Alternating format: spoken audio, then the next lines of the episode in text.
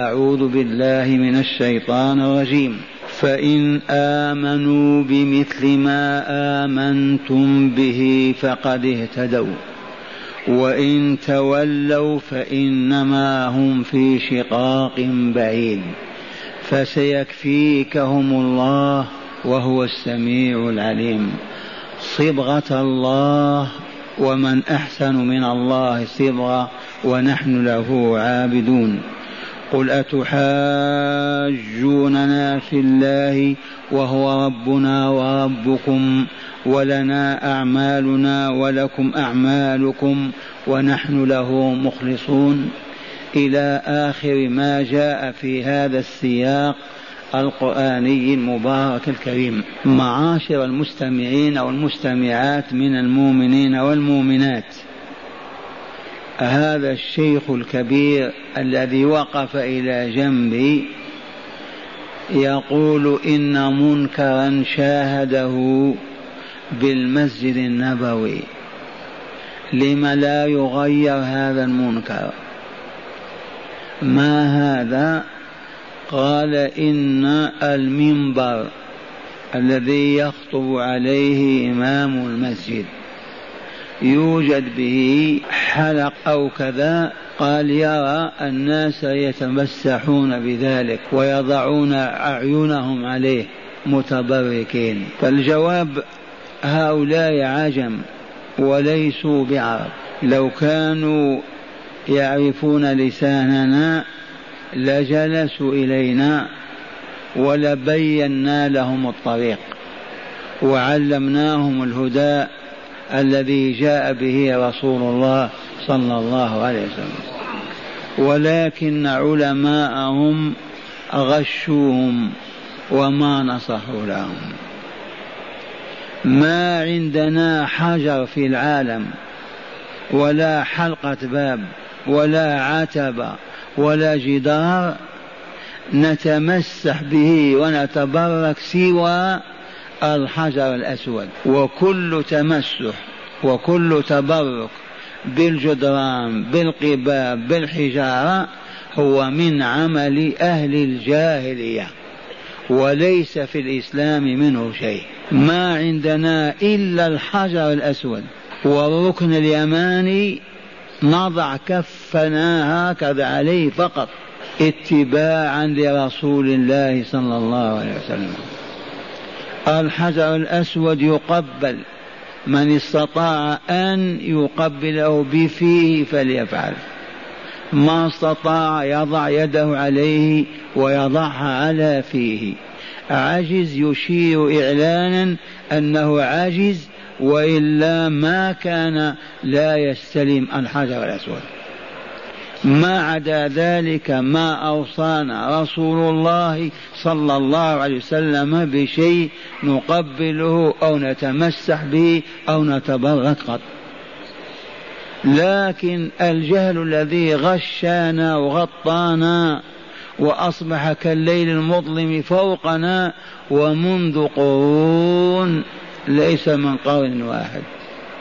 تركنا في هذا التخبط والحيرة. لو تقول لهذا المسلم هذا لا يجوز يغضب ممنوع حرام ما يفهم. ماذا تصنع؟ تتضارب معه؟ لا يحل المضاربة عندنا.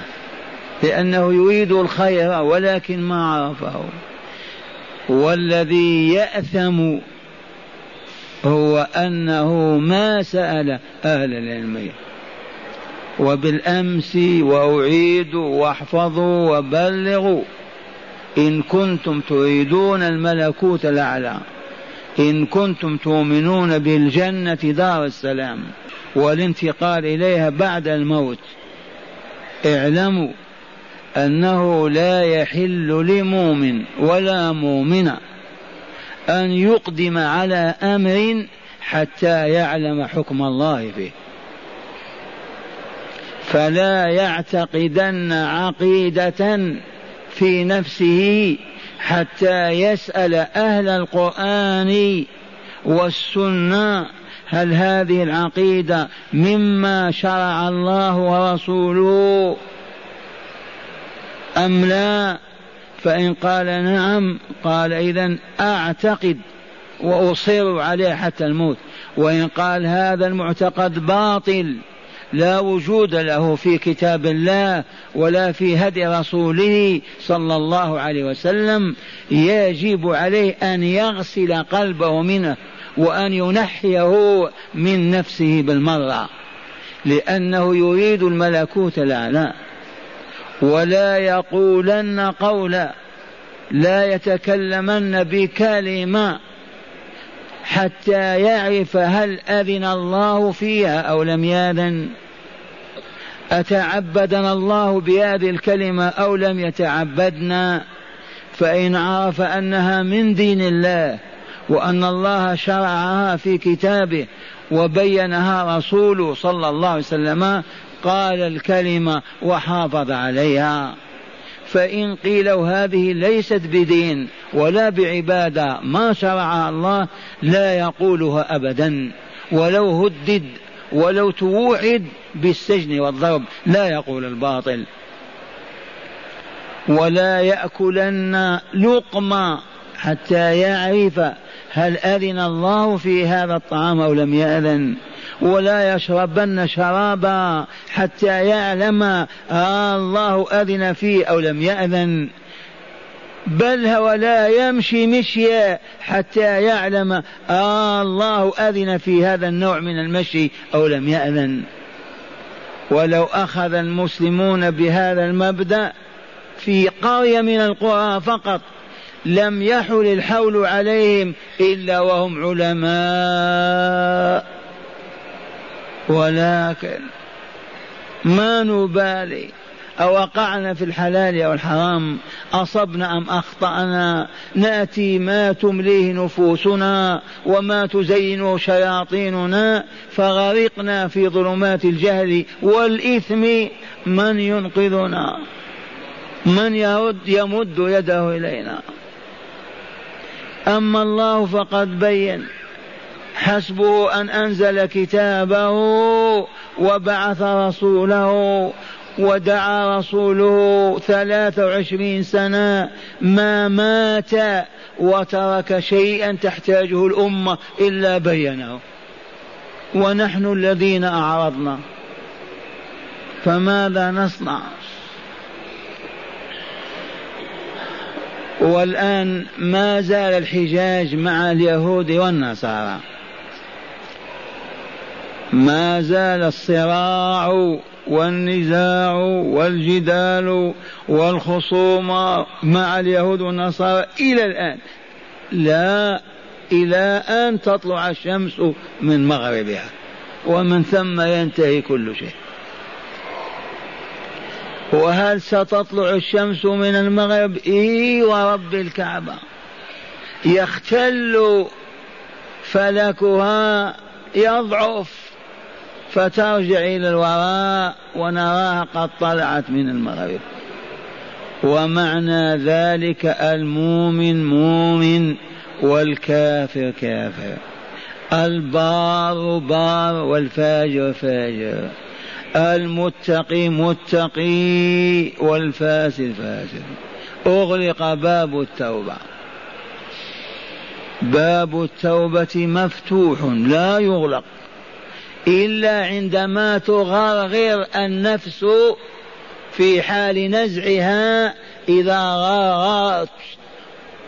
ثم أغلق باب التوبة على هذا المريض.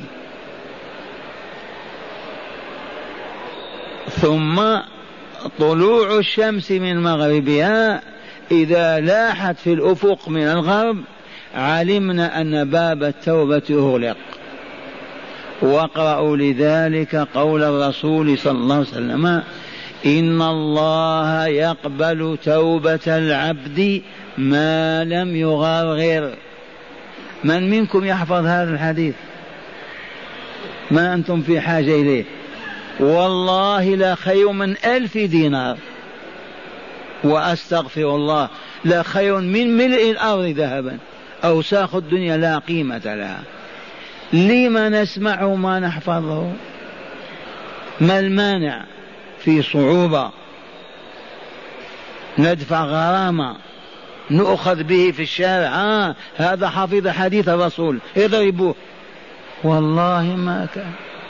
فقط ما عندنا استعداد كما لم يكن لآبائنا ولا لأمهاتنا ولا لجدودنا. ما لنا استعداد أن نعلم لنصل إلى دار السلام. وإلا هذا الحديث كرره. حديث صحيح. بلغه أهلك إخوانك. ما هو؟ يقول الرسول صلى الله عليه وسلم إن الله يقبل توبة العبد ما لم يغرر والغرغرة تعرفونها وإلا الصوت يتغير.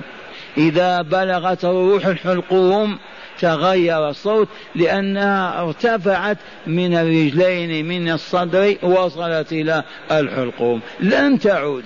آن أوان الفراق. إذا والآية الكريمة من سورة الأنعام يقول تعالى واسمعوا وعوا وافهموا واحفظوا أنتم أهل لذلك. يقول تعالى هل ينظرون إلا أن تأتيهم الملائكة فيؤمنوا. من هؤلاء المتباطئون المترددون؟ ما منعهم من الإيمان؟ ماذا ينتظرون؟ هل ينظرون إلا أن تأتيهم الملائكة أو يأتي ربك؟ إذا جاء الله آمنوا. هل ينفع الإيمان في ذلك الوقت؟ ينفع ما أو يأتي بعض آيات ربك. يوم يأتي بعض آيات ربك بعضها فقط لا كلها. يوم يأتي بعض آيات ربك الدال على قرب الساعة ونهاية هذه الحياة الدنيا. يوم يأتي بعض آيات ربك لا ينفع نفسا إيمانها لم تكن آمنت من قبل. لا ينفع نفسا إيمانها نفسا لم تكن آمنت من قبل أو كسبت في إيمانها خيرا. فاسق فاجر ضايع مؤمن ورأى الشمس تطلع وأراد أن يكتسب خيرا ما يقبل منه. لا صدق ولا صيام ولا صلاة ولا طهر ولا صفا هل عرفتم إن الله يقبل توبة العبد ما لم يغرغر هذه حياة الفرد حياة الجميع. إذا طلعت الشمس من مغربها. المؤمن مؤمن والكافر كافر. البار بار والفاجر فاجر. المستقيم مستقيم والمعوج معوج. لما ما السر لأن هذه العبادة تنتج الطاقة وتولدها. عندما كان العبد يؤمن بالغيب أما وقد انتهى الغيب وأصبحنا في عالم الواقع والشهادة تلك العبادة ما تزكي نفسك ولا تطهرها. معاشر المستمعين والمستمعات مع السياق الكريم يقول تعالى فإن آمنوا من هؤلاء؟ اليهود والنصارى.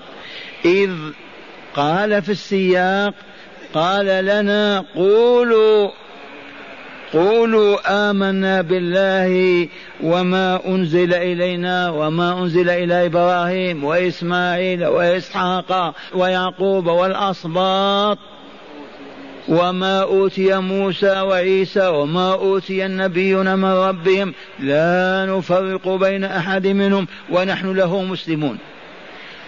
هذا نحن نقوله لأنفسنا ونقوله لهم. وهم يخاصموننا. إذ قالوا كونوا هودا أو نصارى تهتدوا. قالوا لنا هذا وإلا لا إلى الآن. في حضرة النبي قال وفد نجران واليهود كونوا يهودا أو نصارى تهتدوا. كأن الهداية محصورة في اليهودية البدعة والنصرانية. والله ما فيهما هداية. ومن قال لي ما يتفضل عندنا. أرينا هداية الله في النصارى. الزنا والعهر والفجور والربا وسفك الدماء والتلصص والخناء والدعاء و... أين الهداية؟ توجد هداية عند النصارى؟ أين الهداية عند اليهود؟ أفظع الجرائم ارتكبونها أين الهداية؟ أين القوانين التي تسود البشرية وتقودها؟ تتجلى فيها الرحمة والعدل والإحسان والخير والطهر والصفاء. هذا لن يوجد إلا في الإسلام دين البشرية العام. وقالوا كونوا هودا أو نصارى تهتدوا نهتدي إلى ماذا؟ والله يقول لنا قولوا لهم أحسن. قولوا آمنا بالله وما أنزل إلينا وما أنزل إلى إبراهيم وإسماعيل وإسحاق ويعقوب والأسباط وما أوتي موسى وعيسى وما أوتي النبيون من ربهم لا نفرق بين أحد منهم ونحن له لمن؟ لله مسلمون. مسلمون. هل أسلم اليهود اليوم قبل اليوم لله قلوبهم؟ هل أسلموا لله وجوههم؟ هل أسلم النصارى لله قلوبهم ووجوههم؟ إنهم ما عرفوا الله إنهم يعبدون الشيطان الذي وضع لهم الثالوث. أين هم من الإسلام وإسلام القلوب لله؟ مخدوعون مغربين مضللون. تائهون في صحارى الباطل وأودية الضلال. ولكن نحن أيضا مسؤولون عنهم. نحن مسؤولون عنهم. نحن خلفاء محمد صلى الله عليه وسلم. مات نحمل رايته ونقود المؤمنين إلى أن يصلحوا العالم وينقذوا البشرية من ضلالها. فعنا يا شيخ ثلاثة قرون وانتشر النور في العالم وبلغ أقصى الشرق والغرب ولكن هم تآمروا علينا وتكاتفوا ضدنا وكونوا ثالوثا أسودا من المجوس واليهود والنصارى وضربونا تلك الضربة فهبطنا فهم المسؤولون عن شقاوتهم. فرقوا كلمتنا مزقوا دولتنا شتتوا جماعتنا نفخوا فينا روح الباطل والشر والتحزب والتكتل والإقليمية والعصبية والمذهبية فتركونا كالجثث الهامدة. نستطيع أن ننقذهم؟ ما نستطيع. قتلونا ولكن ما نحيا الروح موجود.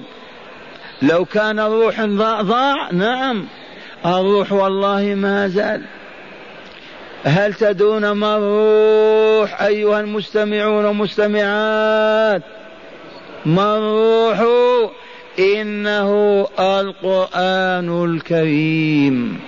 كتاب الله رب العالمين. واقرأوا لذلك قول الله تعالى وقوله الحق وكذلك أوحينا إليك روحا من أمرنا وكذلك أوحينا إليك روحا من أمرنا. ما كنت تدري ما الكتاب ولا الإيمان ولكن جعلناه نورا نهدي به من نشاء من عبادنا. فوالله الذي لا إله غيره لا حياة بدون روح ولا هداية بدون نور. هل يوجد تحت السماء من ينقض هذه الحقيقة؟ يقول نعم توجد حياة بدون روح ها؟ ولو في البعض في البعوضة. هل توجد حياة بدون روح؟ والله ما كان. هل توجد هداية بدون نور؟ الماشي في الظلام يهتدي إلى حاجته يصل إلى منزله إلى بغيته لا والله. والقرآن هو الروح وهو النور. القرآن هو الروح وهو النور. أخبر بذلك منزله. صاحبه الذي تكلم به وأوحاه إلى رسوله القرآن روح ونور فلا حياة بدون روح ولا هداية بدون نور. هل لذلك مثل يا شيخ؟ الجواب نعم نعم. العرب ذرية إسماعيل وإخوانهم القحطانيون العرب كانوا أمواتا. كانوا في ضلال عظيم. لا تسأل عما كانوا فيه وعليه. يعبدون الأصنام والأحجار. تعجب الرجل حجرا من الحجارة يأخذها ويستبدل بها أخرى. كانوا أمواتا بما أحياهم الله بالقرآن. حيوا وإلا لا أصبحوا مضرب المثل في الكمال البشري. والله ما اكتحلت عين الوجود بأمة أطهر ولا أصفى ولا أرحم ولا أعدل من تلك الأمة في قرونها الذهبية. الصحابة وأبناؤهم وأبناء أبنائهم. ما عرفت الدنيا أبدا أكمل ولا أشرف من أولئك. وإن ضلل المضللون تاريخهم وغطوه بالأباطيل والترهات ولكن الواقع واقع. والله ما عرفت الدنيا أمة أكمل ولا أعز ولا أطهر ولا أصفى من تلك الأمة. بما بالبلشفية الحمراء. بالديمقراطية الهابطة باليهودية المبتدعة بالنصرانية الهالكة بالمجوسية الممزقة بما؟ بالقرآن.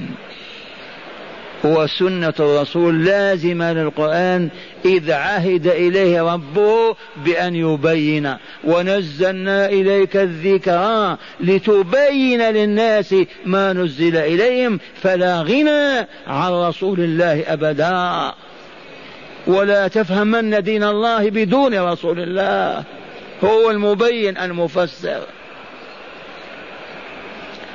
إذا هم الذين فعلوا بنا ما فعلوا. فهل من عودة نحتاج إلى تربية ربع, سنة ربع قرن خمس وعشرين سنة. لو نأخذ في تربية أنفسنا خمس وعشرين سنة يهلك من يهلك وينشأ النشأ المبارك. وفي استطاعتهم بإذن الله أن يحولوا العالم إلى كتلة من نور. وسيأتي هذا. أحببتم أم ك... يا شيخ كيف لا نحب؟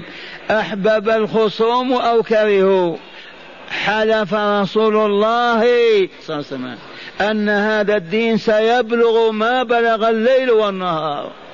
فلا يبقى بيت مدر ولا وبر إلا دخله بعز عزيز أو ذل ذليل. والآن العالم يتخبط. يبحث عن المخرج. خمت الدنيا وتعفنت بالخبث والباطل والشر والفساد. من يطهرها؟ بأي وسيلة؟ بأي منهج ومبدأ لا وسيلة إلا الإسلام. فلو أن أو فلو أن عرفنا ما قلناه غير ما مر. هيا بنا نراجع الطريق.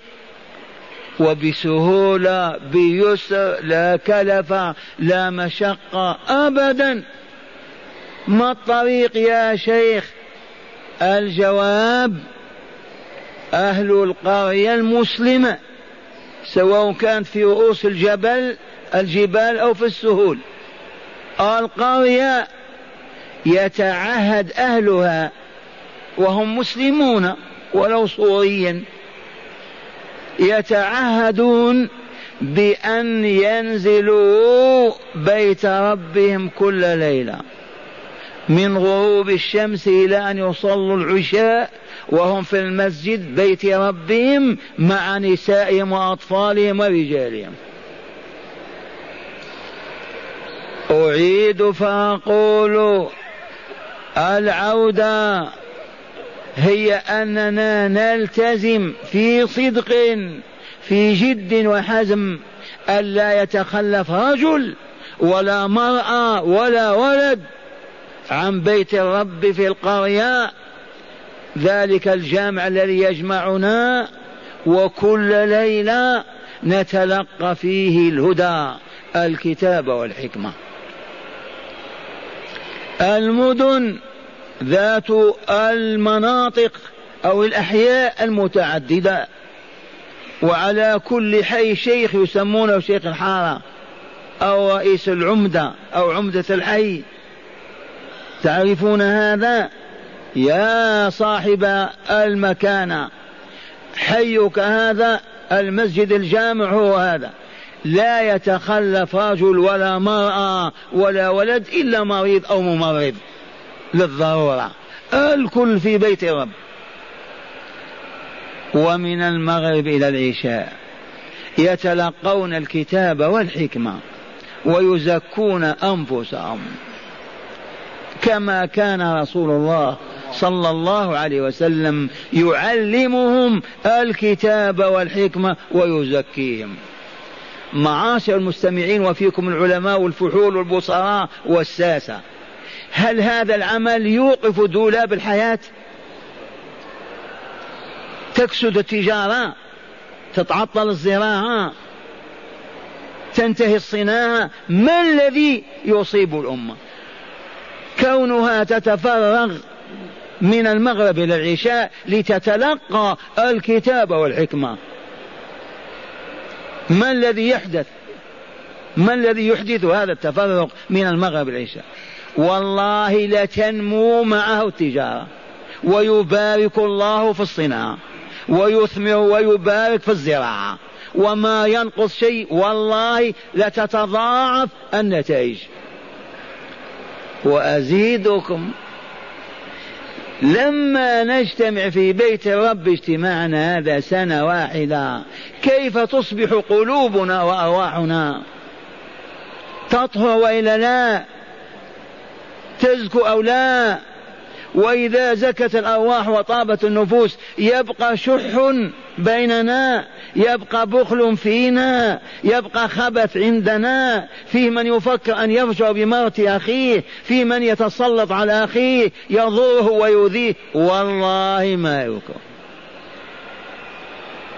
وينتهي السرف وحب الدنيا والشهوات ووالله لا يتوفر المال. ماذا يصنعون به؟ فهمتم هذه اللغة وإلى بربرية. فهمتم؟ ما المانع؟ وأقول والله العظيم ما ترتفع لنا راية ولا نسود العالم إلا بالعودة إلى هذا المنهج المحمدي. هذه واحدة. سهلة وإلا صعبة؟ ما المانع إذا حتى نصبح علماء ربانيين. وأخرى أعلنها أيضا لعلكم تنقلونها. ما عندنا من ينقل.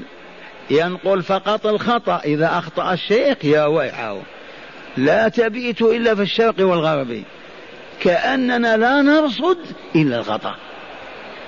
لا تعجب يا شيخ. من ربانا في حجور من تعلمنا واصطلحنا أقول الآن الفرصة ذهبية. لو تكونت لجنة عليا للإسلام يساهم فيها كل بلد إسلامي. هذه اللجنة العليا تضرب ضريبة على كل مؤمن. يدفعها سواء شهرية وإلا سنوية. فتوجد ميزانية للإسلام أكبر ميزانية في العالم. لما؟ لأنه يسهم فيها ألف مليون مسلم. ثم بعد ذلك اللجنة تكون لجنة أخرى تطوف بالعالم. تزور اليابان والصين وأمريكا وأوروبا. وتتعهد الجمعيات الإسلامية وتعرف موطن كل جماعة وما هي فيه وما هي عليه مع السرية كاملة. لا تبجح ولا إعلانات. ثم تتولى انفاقا حقيقيا على تلك الجمعيات الموجودة في العالم الكافر. تقدم الكتاب الذي يجب أن يجمع القلوب ولا يفرقها. وتبعث بالإمام المربي الرباني الذي يربي ويزكي النفوس ويعلم الكتاب والحكمة. وهكذا ما هي إلا فترة وإذا تلك الجاليات عبارة عن كواكب من النور. عبارة عن كواكب نورانية إذ ما يبقى بينهم من يسرق أو يفجر أو يكذب أو يجهل أو يتق أو يقلد الباطل أو يمشي في ركاب الظالمين. يوم ما يتم هذا فسوف تشاهدون الناس يدخلون في دين الله أفواجا. الفرصة متاحة. بلغنا اليوم أن بفرنسا الجمهورية الفرنسية فيها ألف مسجد ومسجد اليوم. ألف مسجد ومسجد. فلو أن هذه اللجنة الإسلامية العليا التي يجب أن تكون نيابة عن رسول الله صلى الله عليه وسلم. وتأخذ في نشر الإسلام بالتي هي أحسن والدعوة الربانية وقد وجد من يحملها. لا يوجد في أمريكا ولا اليابان ولا الصين مكان خالي من مسلم ومسلمة. فقط يحتاجون إلى أن يصبحوا نورانيين لينيروا الحياة أمام الناس. فهاتان الخطوتان. ما المانع أن نقوم بهما؟ في بلاد المسلمين فقط نتعلم الكتاب والحكمة. نجتمع في بيت ربنا. ما يبقى فينا من يخرف ما يبقى فينا من يقول بالبدعة ولا بالخرافة ولا بالضلالة. ما يبقى فينا إيمان ضعيف هزيل. ما يقوى الصاحب على أن يقول كلمة الحق أو ينهض بواجب. وينتهي ما نشاهده من ألوان الباطل والشر والفساد في العالم الإسلامي. وفي العالم الآخر تلك الجمعيات التي توجد بالفعل وموجودة تنمى في خمس وعشرين سنة وقد دخل الناس في رحمة الله. ما المانع؟ هل سمعتم هذا؟ بلغوا. بلغوا الرابطة. رابطة العالم الإسلامي. كتبنا هذا في الكتب ولكن أسمعت لو ناديت حيا ولكن لا حياة لمن تنادي. ونعود إلى السياق الكريم. قال تعالى فإن آمنوا أي اليهود والنصارى بمثل ما آمنتم به أيها المسلمون. آمنا بماذا؟ أنه لا إله إلا الله وأن محمدا رسول الله وأن الجنة حق وأن النار حق آمنا بأن الله لا يعبد إلا بما شرع وبين رسوله صلى الله عليه وسلم فإن آمنوا بمثل ما آمنتم به وهو أن الأنبياء والرسل كلهم أنبياء الله ورسله لا نفرق بين أحد منهم لا فرق بين موسى وهارون ولا عيسى ومحمد ولا إبراهيم وإسحاق. آمنا بالله وملائكته وكتبه ورسله واليوم الآخر.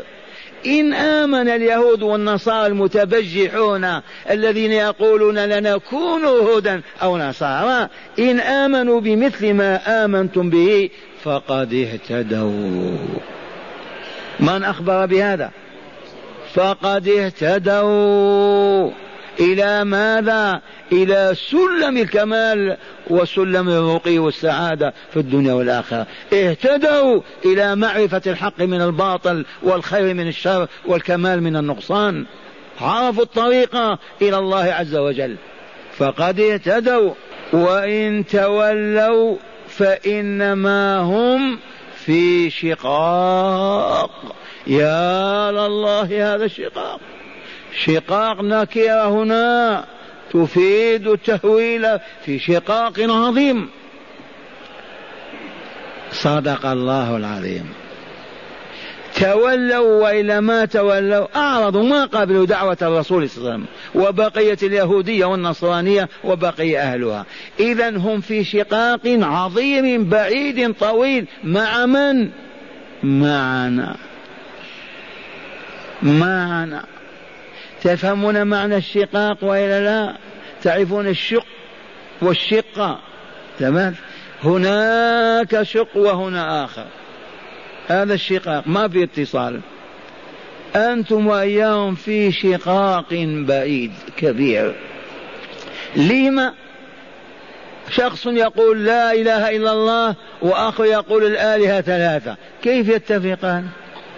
شخص يقول الربا حرام الزنا واخر يقول الحياة متوقفة عليه. كيف نلتقي معهم؟ شخص يقول الصدق والوفاء والحب والطهر واخر يقول الخيانة والكذب والزندقة على هذا تعيش الحياة. كيف نتفق؟ سبحان الله العظيم. اسمعوا كلام الله. فإن آمنوا بمثل ما آمنتم به أيها المسلمون فقد اهتدوا. إلى أي شيء اهتدوا؟ إلى طريق كمالهم وسبيل سعادتهم ونجاتهم. اهتدوا إلى الحق وتركوا الباطل وراءهم. فقد اهتدوا. وإن تولوا ما معنى تولوا؟ رفضوا الإسلام رفضوا لا إله إلا الله محمد رسول الله.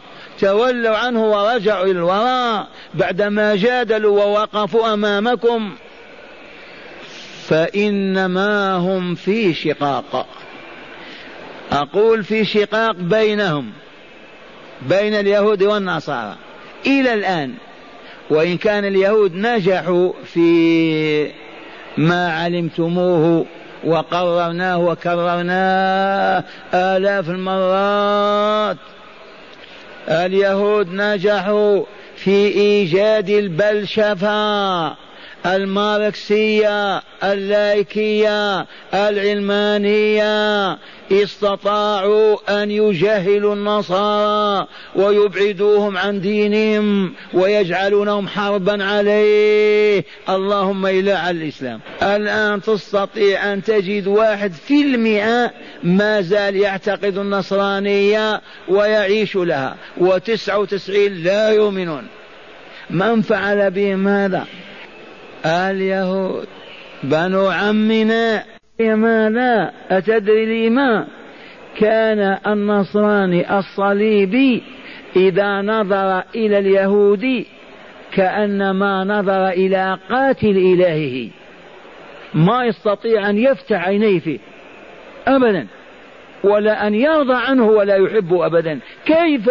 وهو قاتل إلهه من صلب عيسى في نظر النصارى؟ من صلبه وقتله؟ أليس اليهود؟ كيف الذي يقتل إلهك تحبه؟ عاشوا قرونا وهم أشد بغضا لليهود حتى من الإسلام. كيف تحولوا؟ صنع اليهود. أستطاعوا أن يذوبوا معتقدهم تذويبا كاملا وهم لايكيون لا دينيون. وبقية جماعات التنصير الذين يعيشون عليها يدافعون عنها وينشرونها بين المسلمين. أحقيقة هذا وإلا دعوة باطلة؟ فيه من يرد علي؟ يوجد هو هذا الواقع. فخف الضغط على اليهود بل عندنا دليل قاطع. منذ كذا سنة أعلن بولس الثامن قبل موته بأن اليهود براء من دم السيد المسيح. وكررنا هذا القول أيام نشر في الصحف وأذيع في الإذاعات. ماذا قالوا؟ اليهود براء من دم السيد المسيح. أي ما قتلوه. إذا لم تبغضونهم وتحاربونهم؟ إخوانكم. فهمتم هذا وإلا ما فهمتم؟ فهمتم. من أثر عليه بالدينار والدرهم أو بالسحر اليهودي. وقلنا صدق الله العظيم الله أكبر الله أكبر في باب المجيد في الدرس. الله أكبر. نحن نقرأ قول الله تعالى من سورة النساء وما قتلوه وما صلبوه ولكن شبه لهم. وهم لا يقولون قتلوه. ألف وأربعمائة سنة ألفين عام وأنتم تكذبون. وبعد ترجعون ارجعوا إلى الإسلام وقولوا آمنا بالله. إذا فهم في شقاق فيما بينهم. لولا هذا السحر اليهودي ما زال النصارى ضد اليهود واليهود ضد النصارى. أعداء الإداء يكفيك أنه يعتقد أنه قتل إلهه. في أكثر من هذا؟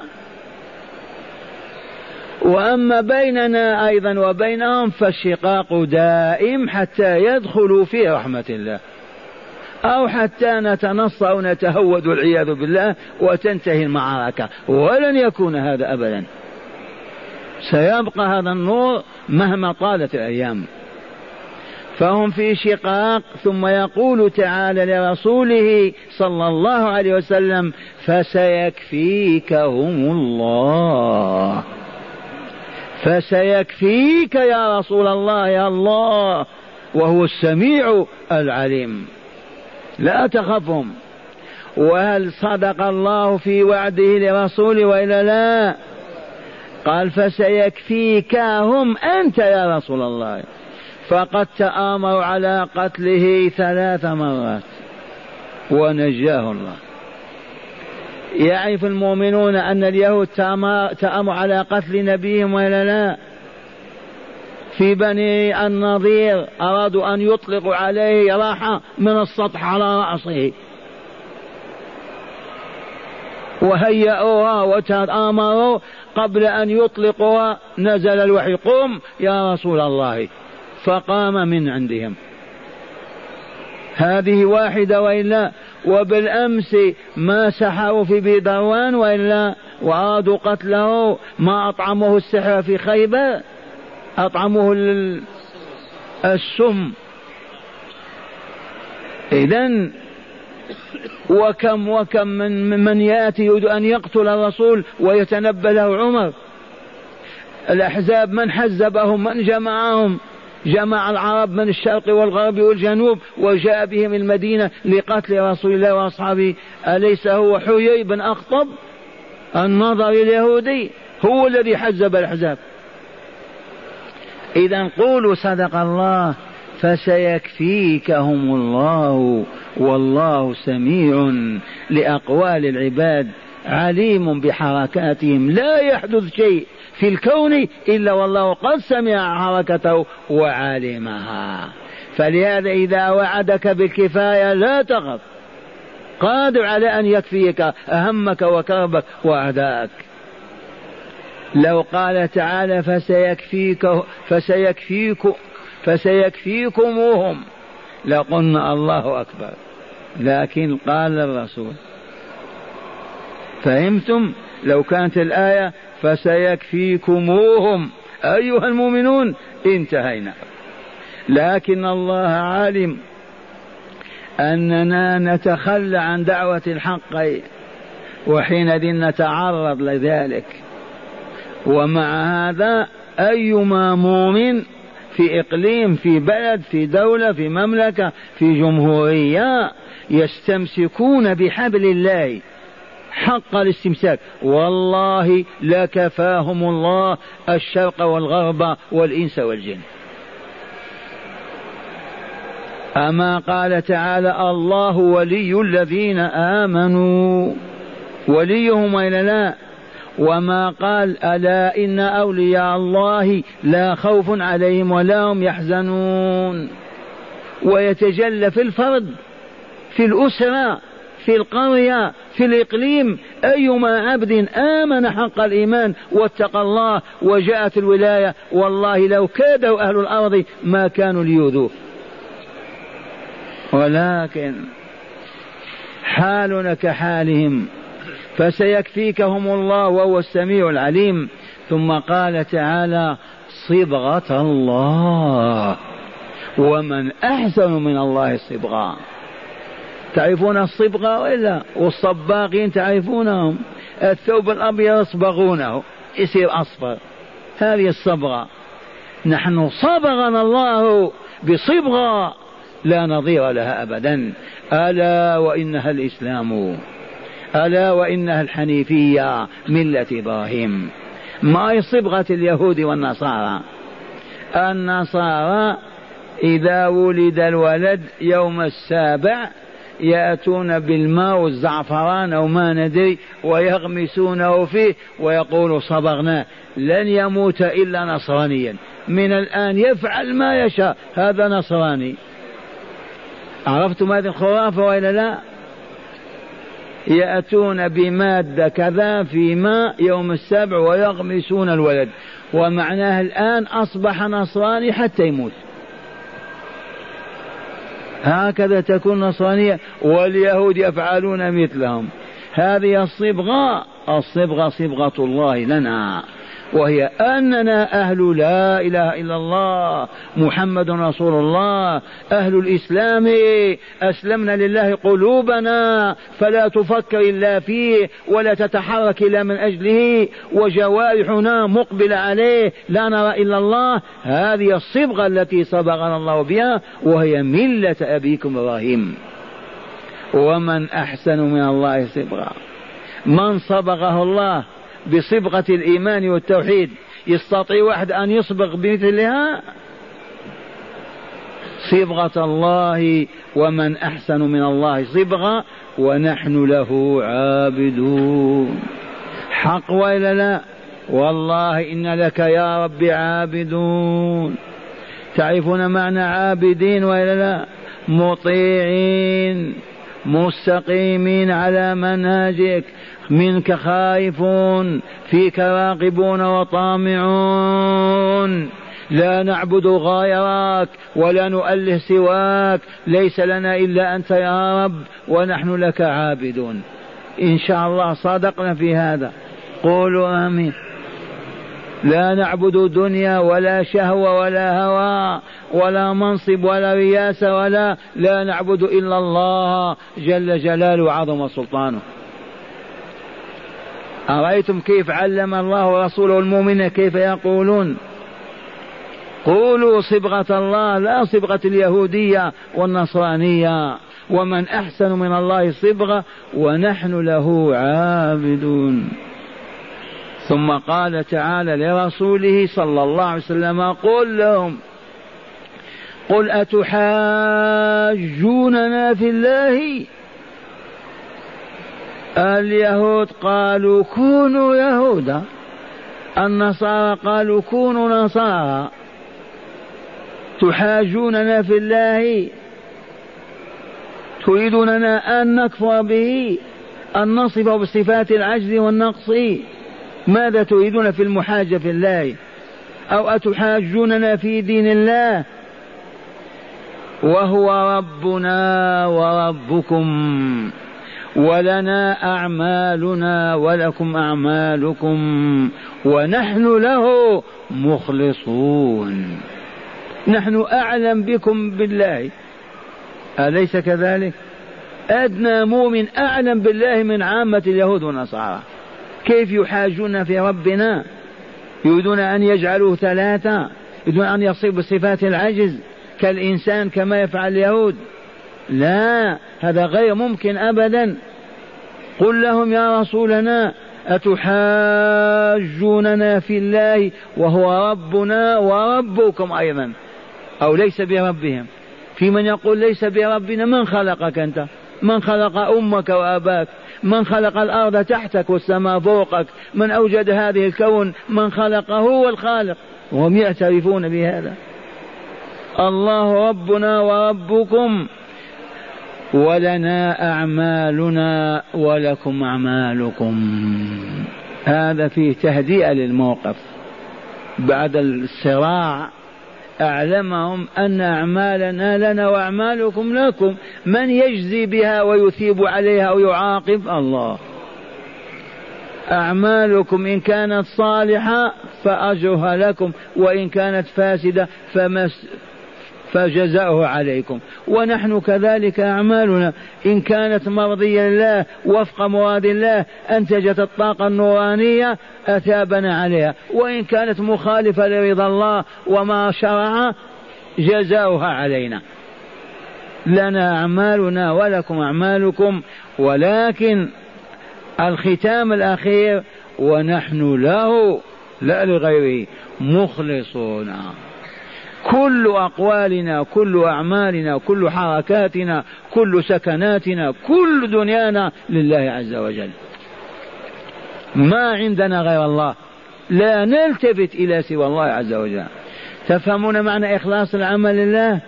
بينا غير ما مر. لماذا أنتم جالسون هنا؟ لله. لما تنصرفون إلى أين؟ لله. أنتم تنصرفون لله والباطل وإلا للنزول في بيوتكم وتناول الطعام بسم الله وعلى ذكر الله وتناموا لله. لله وإلا لا؟ والذين يخرجون يذهبون إلى الباطل والشر. لله؟ حاشا مع الله. ونحن له مخلصون أقوالنا أعمالنا نياتنا حركاتنا سكناتنا الكل خاص بالله. وهذا شأن المؤمن. كثيرا ما نبين للسامعين أننا وقف على الله. تعرفون الوقف وإلا لا؟ هذه العمارة وقف على طلبة العلم. غلتها توزع عليهم. هذا البستان وقف على المسافرين. غلة تسافر عليهم وإلا لا؟ ياخذها واحد آخر؟ لا. المؤمن وقف على من؟ على الله. إذا أكل يأكل من أجله. إذا شرب والله يشرب من أجل الله إذا نام ينام من أجل الله إذا استيقظ يستيقظ من أجل الله. إذا تزوج لمن يتزوج والله من أجل الله. وإذا طلق والله من أجل الله. كيف يطلق من أجل الله؟ نعم مؤمنة. خاف أن يضر بها حياتها. يبدأ يطلق حتى ما تشقى معه. أو خاف أن يلحقه ضر هو. إذا يفارقها ليبقى عبد الله معافى في دينه وبدنه. يبني يهدم يبيع يشتري أعمالنا كلها لله. تعرفون هذا ولا لا هل بلغكم قول الله تعالى إنا لله وإنا إليه راجعون؟ ما معنى إنا لله؟ نكذب يعني؟ قول هذا البيت لإبراهيم أو لعيسى وهو ليس له. هذا الكلام يصح كذب هذا. فكيف تقول أنا لله ولا تعطي الله منك شيئا؟ هذا الصدق ولا كذب؟ من قال إن لله معناه نقوم نقعد نبني نهدم نسافر كل أعمالنا لوجه الله. فهمتم إنا لله وإلا لا؟ أو نكذب إنا لله ولا نعطي من لله شيئا؟ هذه خيانة. هذا الوقف على فلان وما يعطيه ريال يصح هذا الوقف؟ إنا لله وإنا إليه راجعون. فلهذا ما نكرب ولا نحزن بوفاة أصدقائنا أو أبنائنا أو أهلنا لأننا راجعون إلى الله. راجع إليه وتكرب وتحزن. إذا إنا لله وإنا إليه راجعون.